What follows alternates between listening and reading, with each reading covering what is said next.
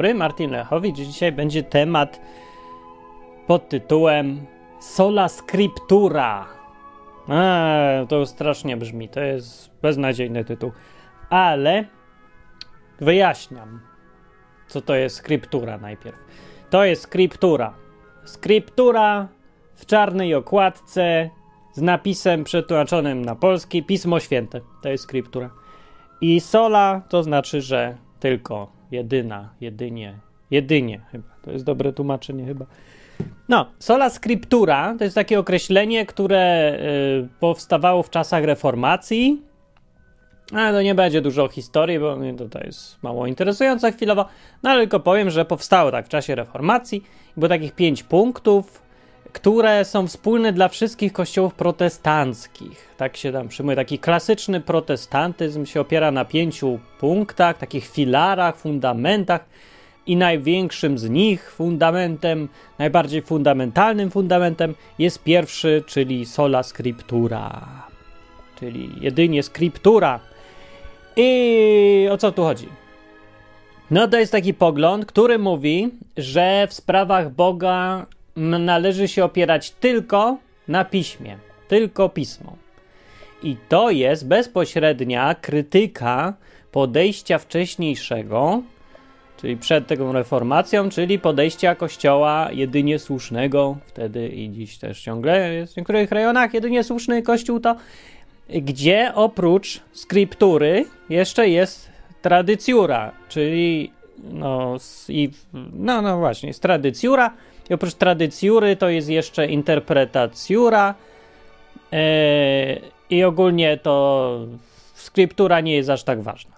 No, jest ważna, ale tam na tym jest jeszcze kilka warstw, nie? No. I sola skryptura po to powiedzieli, żeby pokazać inne podejście w ogóle do spraw Boga, Biblii też tak. No i teraz ta cała sola scriptura występuje w dwóch wersjach. Właśnie rozumieją to ludzie na dwa różne sposoby. I to jest dosyć ważne, bo potem są jakieś nieporozumienia i ktoś się nie może dogadać z kimś drugim, jak nie wie tego.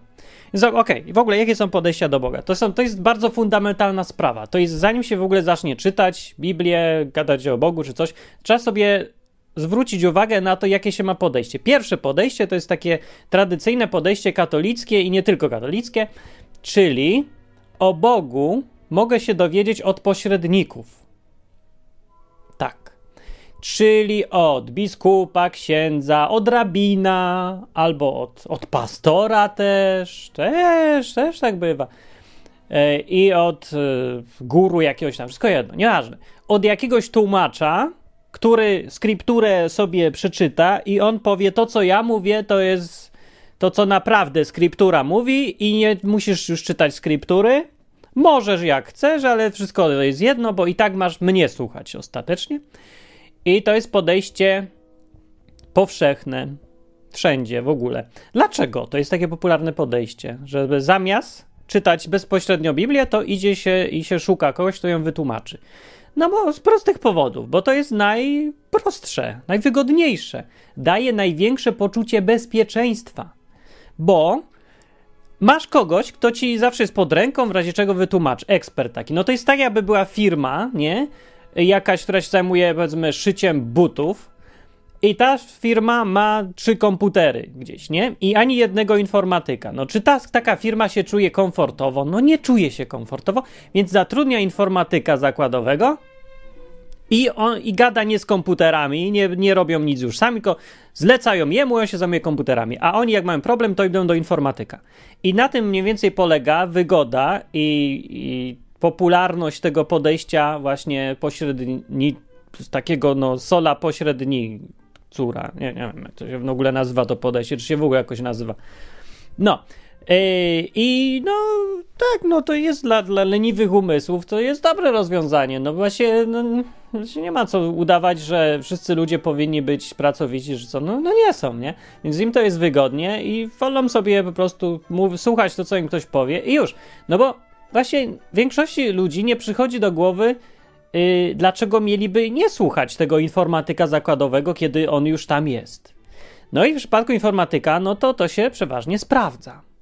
Bo że zamiast grzebać samemu z komputerem i uczyć się strasznie dużo na temat tego komputera i studiować języki programowania tam, no to idę do faceta i mówię, panie, zrób mi to, a on już jako ten wykształcony bierze i to robi. I to rzeczywiście, jak się tak to pokaże sprawę, to to ma sens, nie? Tyle, że w przypadku Kościoła i Boga to to już nie za bardzo ma sens, bo z wielu powodów. Po pierwsze, ten informatyk, czyli organ tłumaczący Biblię, on się tak nie zna. No, nie wiem, jak to ładnie powiedzieć. On się nie zna z kilku powodów. Nie zna się dlatego, bo to nie jest jedna osoba, tylko mnóstwo ludzi, po pierwsze. To nie jest jakiś jeden informatyk, który jest odpowiedzialny bezpośrednio za to, co mówi, tylko to jest grupa, cała struktura, cała hierarchia ludzi, którzy sobie ustalają między sobą coś z najróżniejszych przyczyn, powodów i, i ten. I wychodzi taka, takie zbiorowe wytłumaczenie tego, co mówi Biblia. No i już jest trochę minus, bo no, już nie będą takie, takie dokładne te wszystkie tłumaczenia. Następna rzecz jest taka, że to nie jest jeden facet, który się zna na komputerze on sam osobiście i który od początku się uczył sam aż, aż do dnia dzisiejszego. Znaczy, chodzi mi o to, że w przypadku organów tłumaczących to mamy do czynienia z historią, długą przeważnie. Są setki lat, całe stulecia. W przypadku e, rabinów to są w ogóle tysiąclecia. I, no, I przez te tysiąclecia świat się zmieniał, komputery tam zmieniały, narastało różnych rzeczy dużo. Ludzie mieli różne interesy też w różnych epokach i to, co się dzisiaj jest oficjalnym tłumaczeniem, to jest kompilacją tego, co się działo przez wieki. I trzeba też pamiętać o tym, że w dawniejszych wiekach ludzie mniej rozumieli niż w dzisiejszych wiekach, i to wpływało na ich interpretację e, z jednej strony, a z drugiej nie można powiedzieć, że tamta interpretacja była błędna, bo się straci cały autorytet jako ten informatyk. No nie może przyjść informatyk powiedzieć, wiecie co, wszystko co wam mówiłem od wto do wtorku, to jest złe. Teraz wam dopiero mówię dobrze, bo teraz dopiero zrozumiałem, jak się programuje w Javie. A wcześniej myślałem, że to PHP jest. To sorry. Więc po takim sorry to wszyscy wyrzucą tego informatyka. Dlatego tak samo jest mniej więcej z różnymi kościołami że muszą się po prostu trzymać tych interpretacji, które były przez wieki i były, no, błędne były z tego powodu prostego, że ludzie się mylą. Ludzie się mylą i już. Więc od razu z tego choćby powodu to jest pewien minus, żeby się trzymać tej koncepcji, że trzymam się tłumacza, a nie samej Biblii, tylko tego, co mówi ten tłumacz. No, więc to są dobre takie uzasadnienia. No inne uzasadnienia są takie, że no jeżeli już konkretnego weźmie jakiegoś księdza, czy tam proboszcza, no, zwłaszcza na takim szczeblu jakimś niskim, prawda, to on, yy, no on, on słabo zna tą Biblię, nie? Po pierwsze, yy, no, no słabo po prostu, więc jak się samemu przeczyta, to na ogół, no nie mówię, że zawsze, nawet nie mówię, że często, ale na ogół to jednak się samemu lepiej to przeczyta niż ten ksiądz wam powie, o, jeżeli o Biblię chodzi. A tak naprawdę to, co będzie mówił pośrednik, ten, co ma tłumaczyć Biblię, wyjaśniać, to on nie będzie wyjaśniał samej Biblii. On będzie cytował oficjalne wyjaśnienia, które ktoś gdzieś wyżej za niego napisał. Więc to już jest pośrednictwo podwójne ten pośrednik, co do ciebie przychodzi, on nie pośredniczy między tobą a skrypturą. Tą. On nie stoi, ty jesteś tu, mikrofon to jest on, a skryptura jest tu. Nie, on pośredniczy jeszcze między kimś. Tutaj, tutaj między skrypturą a mikrofonem jest jeszcze ktoś. I to jest urząd tłumaczący, urząd oficjalnie tłumaczący. I tak naprawdę to, co ksiądz robi, to tłumaczy to, co mówił ten urząd, a on twierdzi, że tłumaczył dopiero to, co mówi Biblia. I pomiędzy tym jeszcze mogą być inne tam poziomy. Także, no, mówię, to przy, przy okazji się no, robi to trochę taka no, mechanizm głuchego telefonu się zrobi lekki. No bo co się robi. No. I, no, cóż mogę powiedzieć, nie? No więc mówię, to są takie różne wady tego podejścia, yy, z których wynikają zwykłe po prostu błędy. Yy, I te błędy są bardzo łatwe do uniknięcia, kiedy się po prostu wyeliminuje wszystkich pośredników i dojdzie do samej skryptury. Stąd się wzięło to określenie sola scriptura i z takiej właśnie, z takiego rozumowania się wziął pomysł, wiedziałem w XV wieku czy XVI, czy to było, zapomniałem, Yy, żeby po prostu wrócić z powrotem do samej Biblii.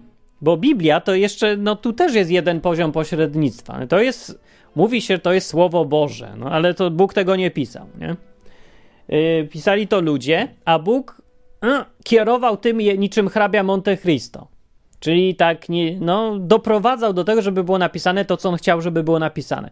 No i można to zaakceptować albo nie. No ale już mówimy o sytuacji, kiedy ktoś, no, zakłada, że ta Biblia jednak ma sens i, i to jest to, co Bóg mówi. No. Więc tam już jest jeden poziom pośrednictwa, ale ten poziom pośrednictwa o to, żeby był wierny, zadbał już sam Bóg. No to należy zakładać. No to tak, jeżeli ta Biblia ma mieć sens, no to tak. Jeszcze jest jeden poziom pośrednictwa, to jest tłumaczenie. Ale tutaj nie ma żadnego problemu tak naprawdę, bo tutaj no, tłumaczenie to jest prosta rzecz techniczna zupełnie, mechaniczna taka. I tutaj nie ma miejsca na interpretację, jeżeli coś jest tłumaczeniem, a nie parafrazą, tylko takim tłumaczeniem, to tu nie ma miejsca za bardzo na interpretację.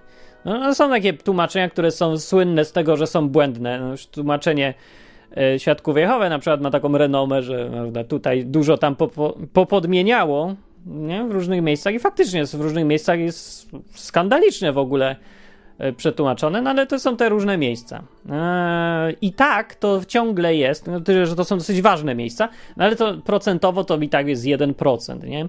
Więc mówię, jeżeli jest pośrednik, przekazuje 99,5% czegoś wiernie, to można spokojnie stwierdzić, że to można się wytrzymać z takim pośrednictwem. No zresztą no to jest dużo, znaczy jak się podliczy koszty i straty, to wychodzi na to, że no warto czytać Biblię w tłumaczeniach jednak, bo koszt nauczenia się w oryginale greki i hebrajskiego jest dużo większy nie, niż przeczytanie tego po polsku.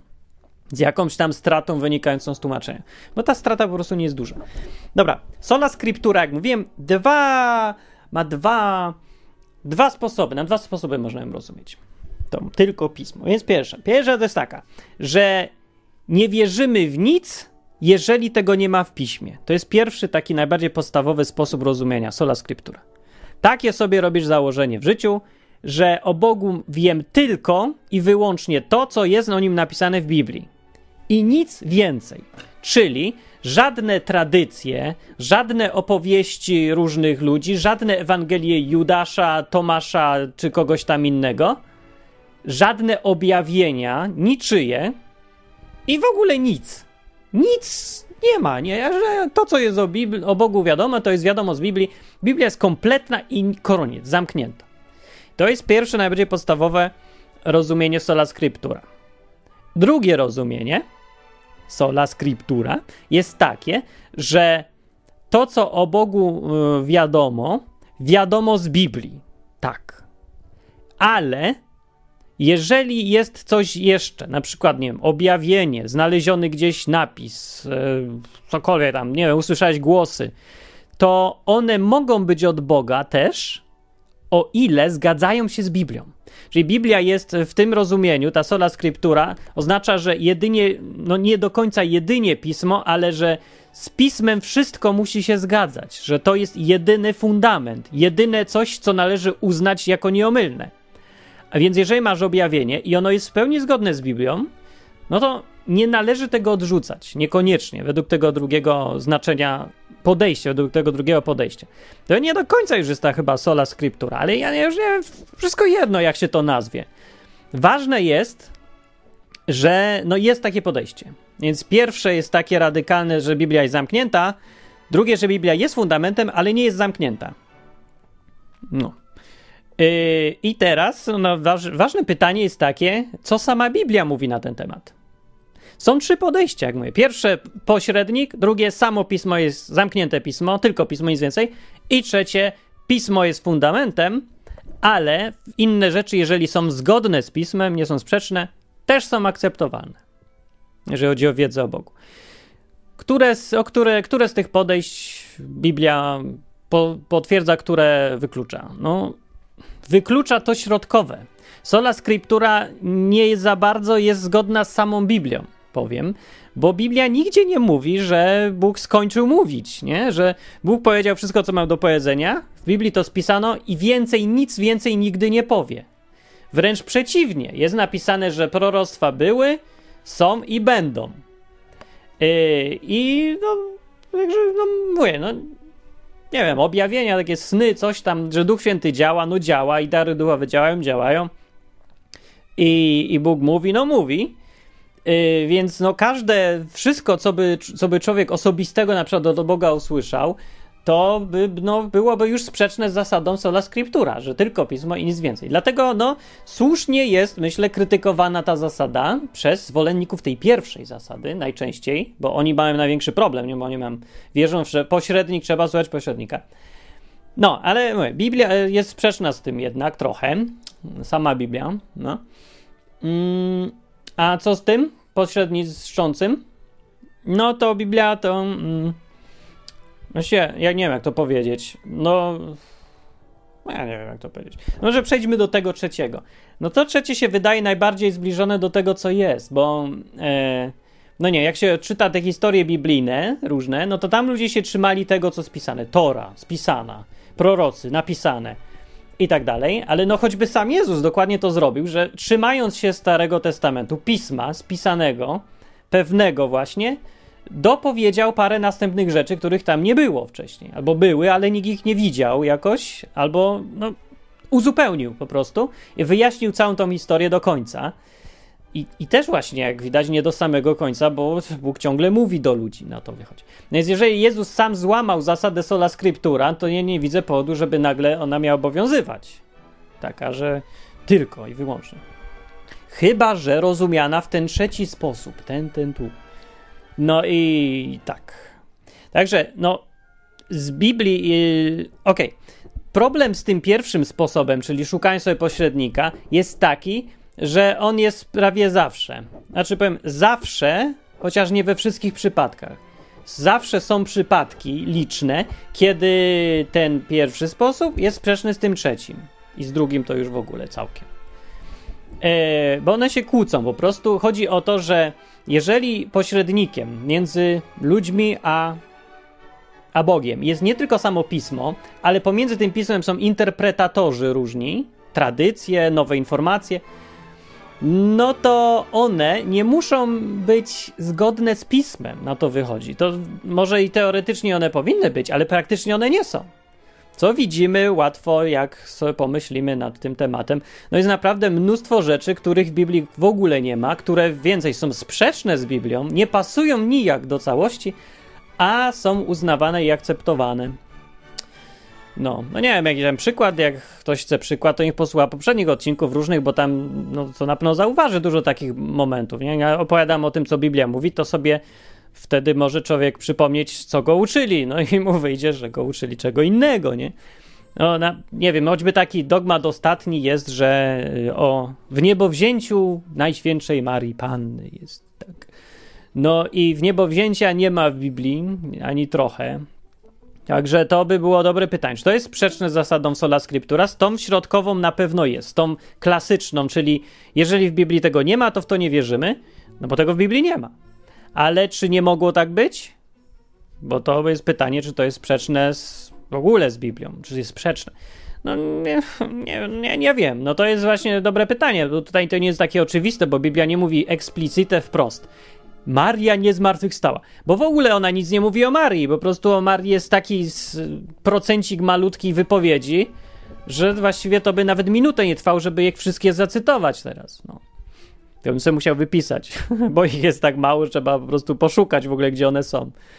A, no, więc y, właśnie to jest sprzeczne, no bo tak ważne informacje by się podawało, gdyby były ważne. No, przez sprzeczne z zasadą sola scriptura w obu wersjach jest traktowanie Marii y, jako ważnej osoby, bo Biblia jej, ją traktuje jako w ogóle marginalną postać.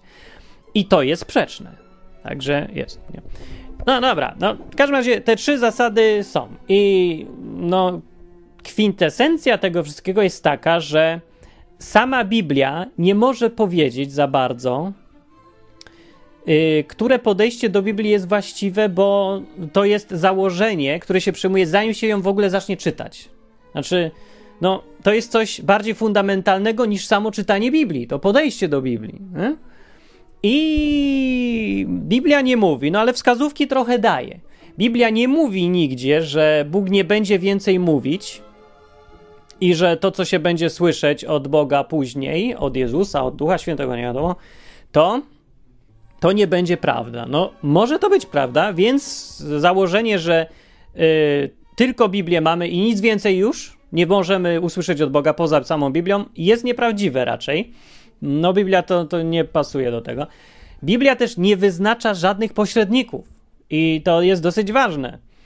E, to sami pośrednicy przychodzą i, i twierdzą, i trzeba im wierzyć na słowo tak naprawdę, że oni są pośrednikami między Biblią a ludźmi i trzeba im wierzyć, bo e, oni zawsze się starają e, uzasadnić to swoje, tą swoją pozycję pośrednika na podstawie Biblii. Tylko, że nie na podstawie Biblii, a na podstawie swojej własnej interpretacji Biblii, którą, której, której należy słuchać, dlatego, że oni są pośrednikami. A dlaczego są pośrednikami? Bo mówią, że są pośrednikami. A dlaczego mamy im wierzyć? Bo tak interpretują Biblię. A dlaczego? Bo, bo są ten. No to jest po prostu taki błąd logiczny, gdzie yy, założenie yy, wykorzystuje się do przedstawiania dowodu. To się nazywa circulum vitiosum, czy coś takie koło po prostu. Że sama Biblia, musiałaby sama z siebie Biblia ustanowić jasno pośrednika, którego należy słuchać. Nie ma takiego czegoś w Biblii. Oczywiście się powołuje na to, że na ten fragment słynny, jedno małe, biedne zdanie gdzieś tam w którejś Ewangelii, pod koniec, że Piotr, ty jesteś skała. I z tego ma wynikać, że nie możesz samodzielnie czytać Biblii. Co ma piernik do wiatraka, to ja nie wiem. Albo, że trzeba słuchać na wyłączność Piotra. Nagle z tego ma wynikać, że bo ty jesteś Piotr, czyli skała i dostaniesz jakieś klucze. What? Gdzie tak jest? Kiedy Bóg Jezusa y, przedstawiał za pośrednika, u, utwierdzał, potwierdzał to, że Jezusa należy słuchać, że to On jest pośrednikiem, On pochodzi od Boga.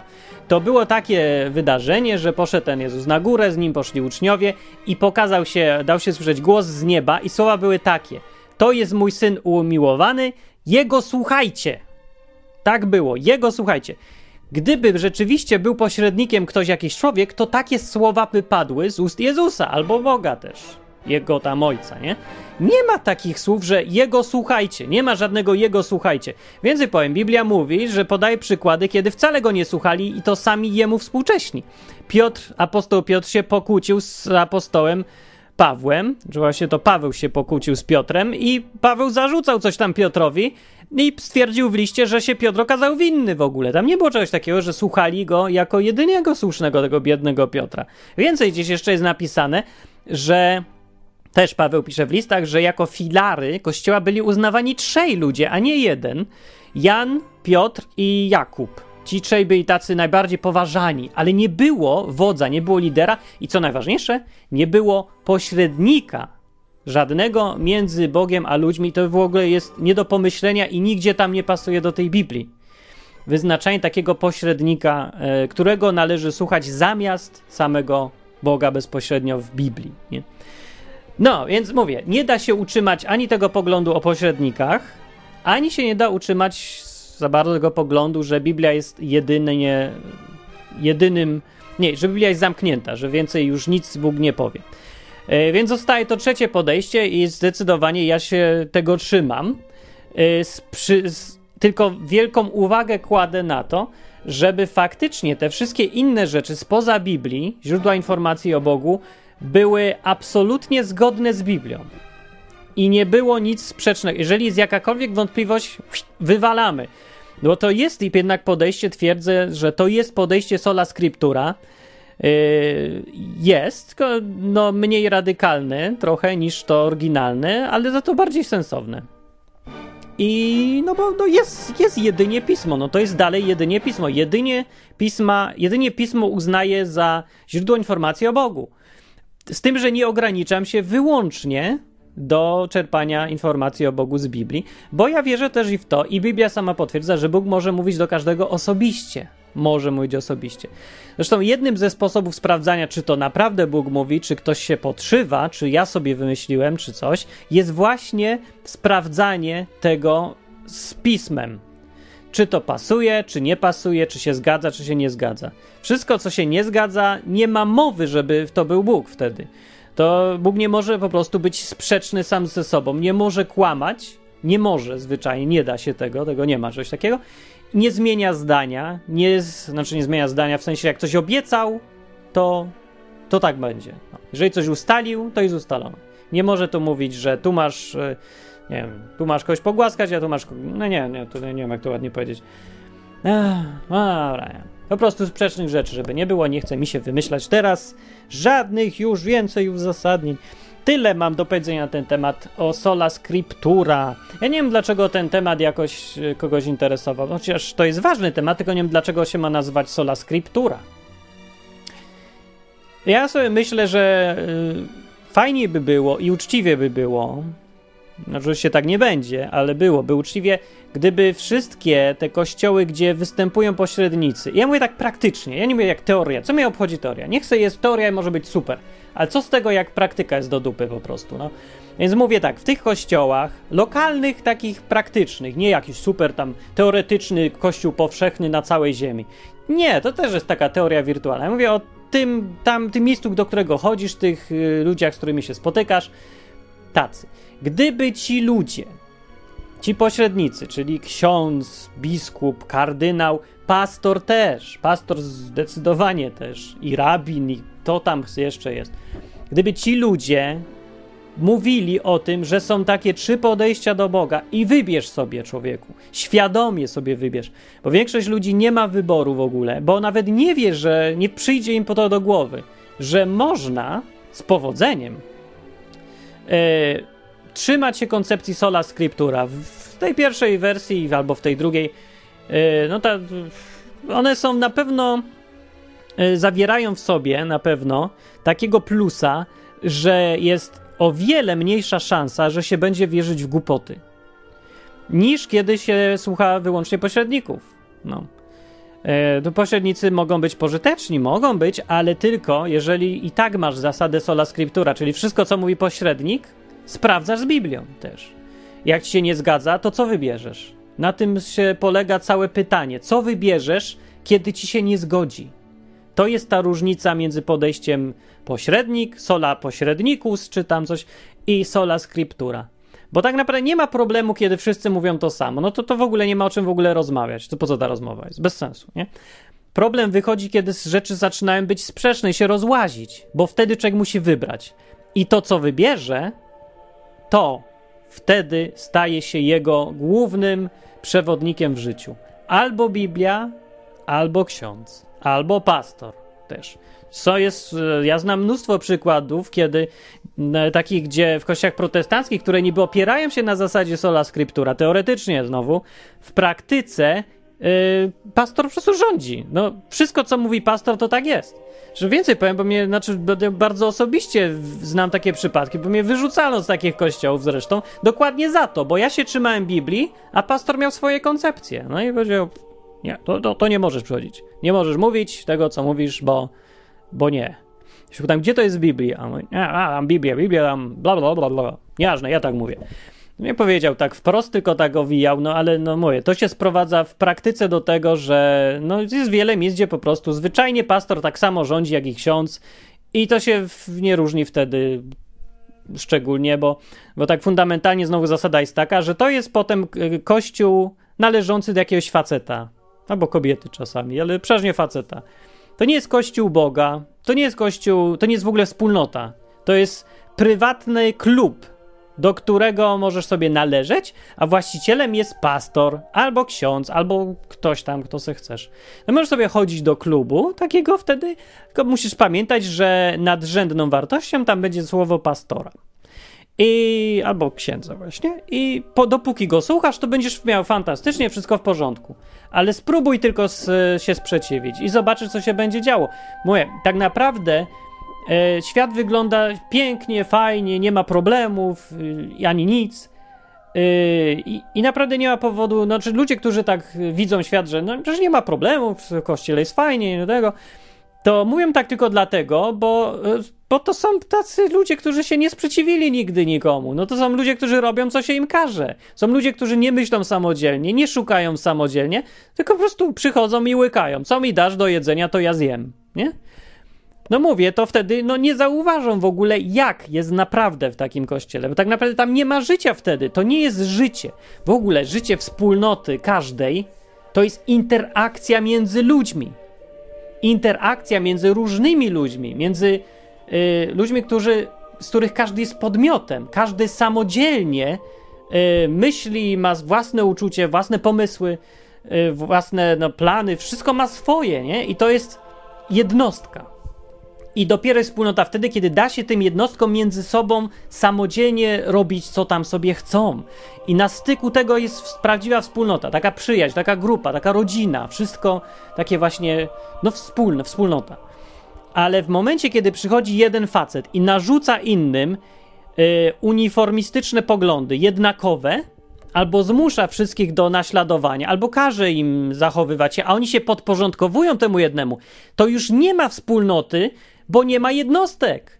Jest tylko jedna jednostka, ten pastor, czy ten ksiądz, czy ktoś inny, a reszta to już są po prostu jemu podporządkowani ludzie i między sobą nie mają już tych relacji. No, mają relacje, a to nie są dalej relacje, to są relacje w zawsze w odniesieniu do tego na, na górze, tego pastora. E, I dlatego no, widać różnicę między prawdziwą wspólnotą, gdzie każdy jest sobie szefem tak naprawdę, i z własnej woli się spotyka z innymi, a taką, gdzie wszyscy są podporządkowani jako punkt pierwszy jednemu facetowi na górze i dopiero potem mogą się między sobą komunikować, ale tylko w tym zakresie, jaki jest im zezwolony.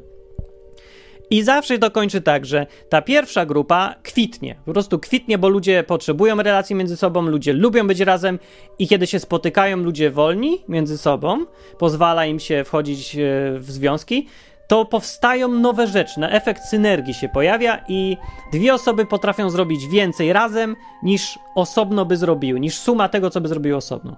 I to jest fantastyczne zawsze w takich grupach, gdzie jest duża niezależność tych członków. Ale te grupy drugiego typu, których jest zdecydowana większość, jest jakiś facet szefujący i on i muszą się inni podporządkować, to te grupy zdychają, bo naturalnie dzieje się tak, że ludziom się coraz mniej chce po prostu, bo, bo, nie ma potrzeby, bo ludzie dążą do większej wygody i jeżeli już dostają tą wygodę, a to jest wygoda, żeby słuchać jednego faceta, y, który wszystkim rządzi. Naprawdę święty spokój, wygoda to jest, jest tego, to wszyscy po prostu e, oklapują i odpoczywają sobie w cieniu tego jednego faceta, który robi wszystko sam ale nie ma już tych interakcji, nie ma postawiania czegoś nowego, bo coś nowego znowu musiał być zaakceptowane przez tego na górze. Więc i tak zawsze wszystko, co się będzie działo w takiej grupie, to zawsze będzie yy, ograniczone do tego jednego faceta na górze, bo nie mogą nic zrobić sami członkowi, jeżeli ten na górze nie zaakceptuje, nie zgodzi się. Nie? I to wszystko paraliżuje cały proces życia w grupie. I nie mówię tu już tylko o kościołach, to dotyczy każdej grupy. Dlatego trzeba zwrócić uwagę na to, Yy, bo jaki jest lider, taka będzie i grupa. I to jest, yy, no nie wiem, czy to się komuś podoba, czy nie, ale rzeczywiście jest tak, że od lidera zależy cała grupa, od jednej jednostki. Tego ta osoba jest pierońsko ważna. Zawsze w każdej grupie ten lider, który jest naturalny albo formalny, Y, czy się pojawi spontanicznie i nieformalnie, ale będzie, czy też będzie wyznaczony. Wszystko jedno, bo ważne, żeby to był faktyczny lider. Zależy od tego jakość wszystkiego w całej grupie.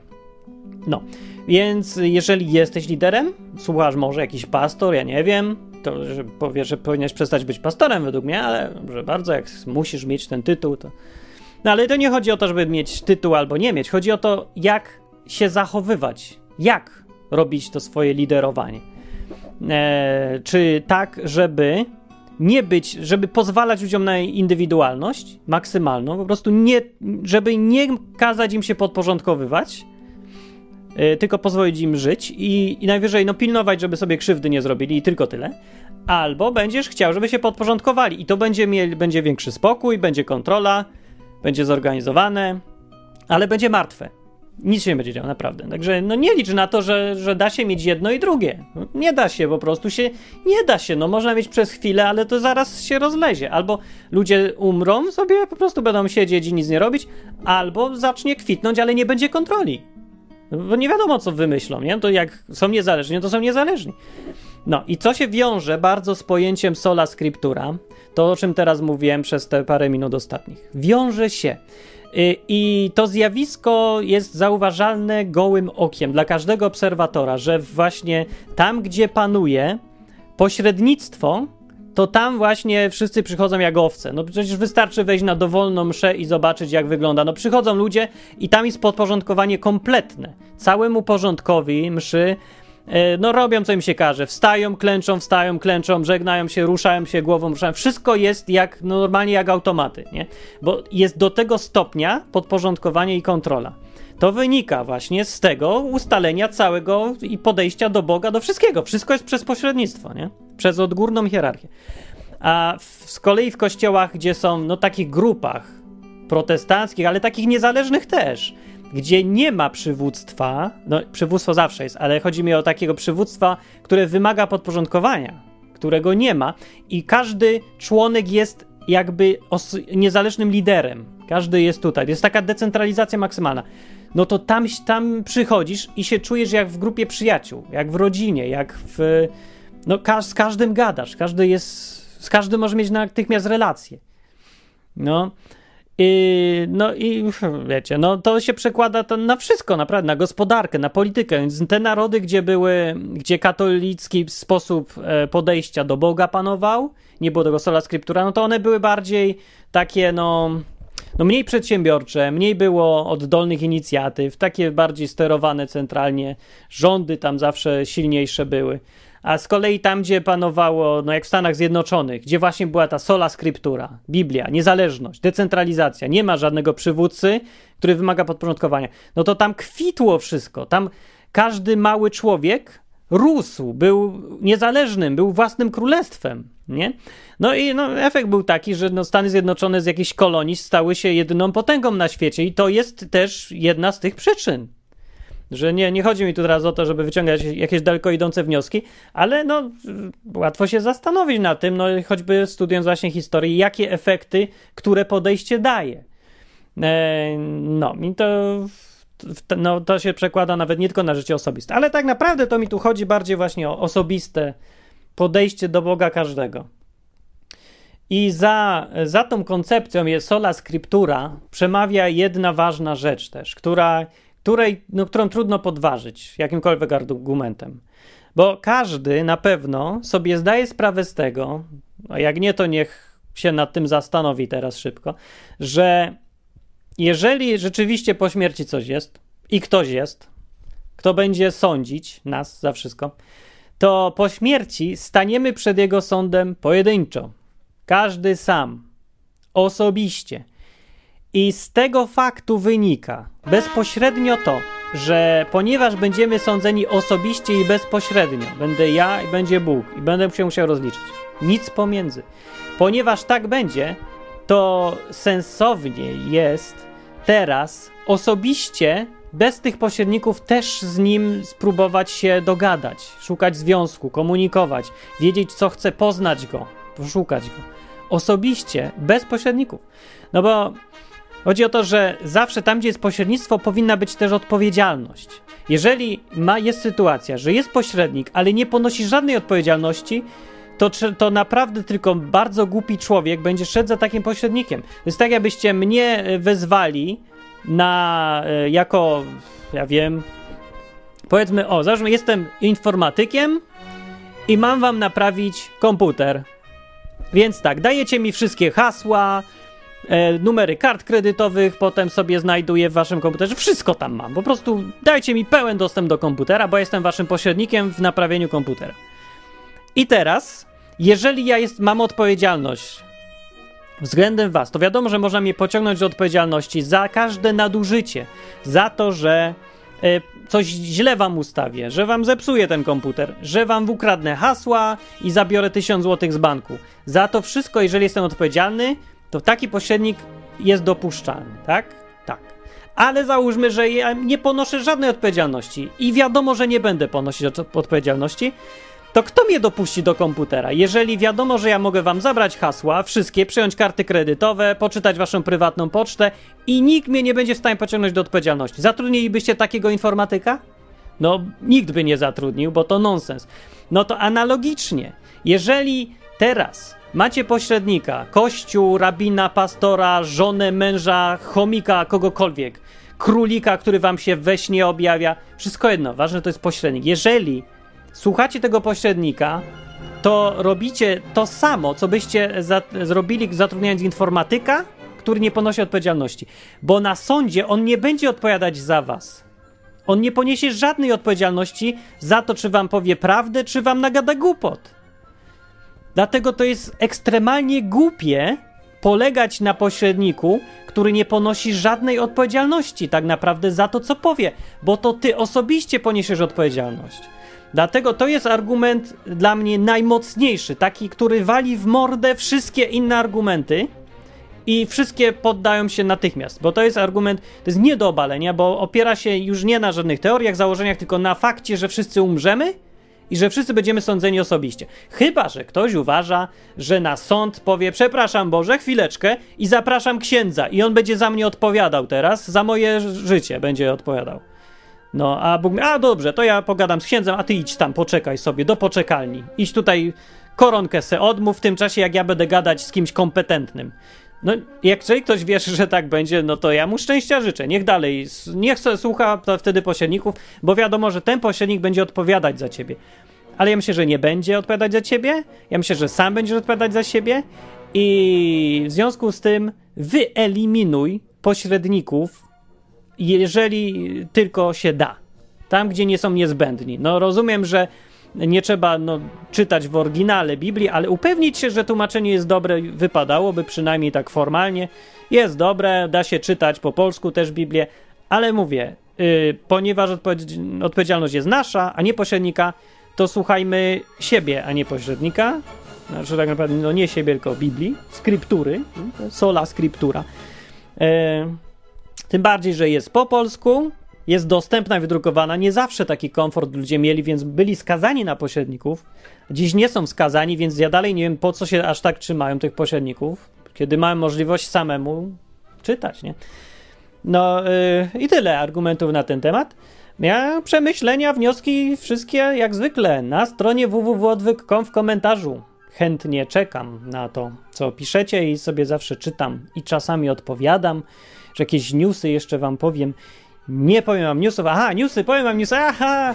Więc postanowiłem, że żeby tam więcej życia było na stronie, to takie blogi powstają. Jeżeli ktoś chce prowadzić własny, taki w stylu trochę odwykowym, albo może o czym chce gadać i pisać, tak naprawdę, żeby było, żeby było ciekawie pisane i takie dla ludzi, nie? Takim normalnym językiem, nie jakimś wykład. Yy, no to niech się zgłosi, to dostanie sobie też blog. Także różne takie blogi, można wchodzić i słuchać i czytać właśnie. No to powiem, idę sobie www.odwyk.com to był ehm, i no i, i tyle. I co łaska jest na stronie, jak ktoś chce, bo odwyk działa dlatego, że ludzie stwierdzą, że się jest przydatny. No, więc i zostałem sponsorami odwyku. To jest piękne, powiem. To jest, to jest coś, co mnie zawsze, to mnie fascynuje po prostu, że takie projekty mogą istnieć jednak, że no kurde, to jest tak optymistyczne, że nie zawsze trzeba coś sprzedawać, że, że można coś dać za darmo, powiedzieć, co się myśli, nie? I ktoś uważa to za potrzebne i, i sam z siebie też się chce jakoś odwdzięczyć albo stwierdzić, że to, że to jest przydatne, warto, żeby było fajne. Ja bym chciał, żeby tak świat działał jak najczęściej, bo to, to tworzy i taką więź między tym, kto na przykład gada tu do was, a tym, kto słucha, nie? Dużo silniejszą niż jak jest tylko jakaś taka transakcja. No, to, to idę. Dobranoc. A Martin Lechowicz mówił, powiem się, podpiszę pod tym www.odwyk.com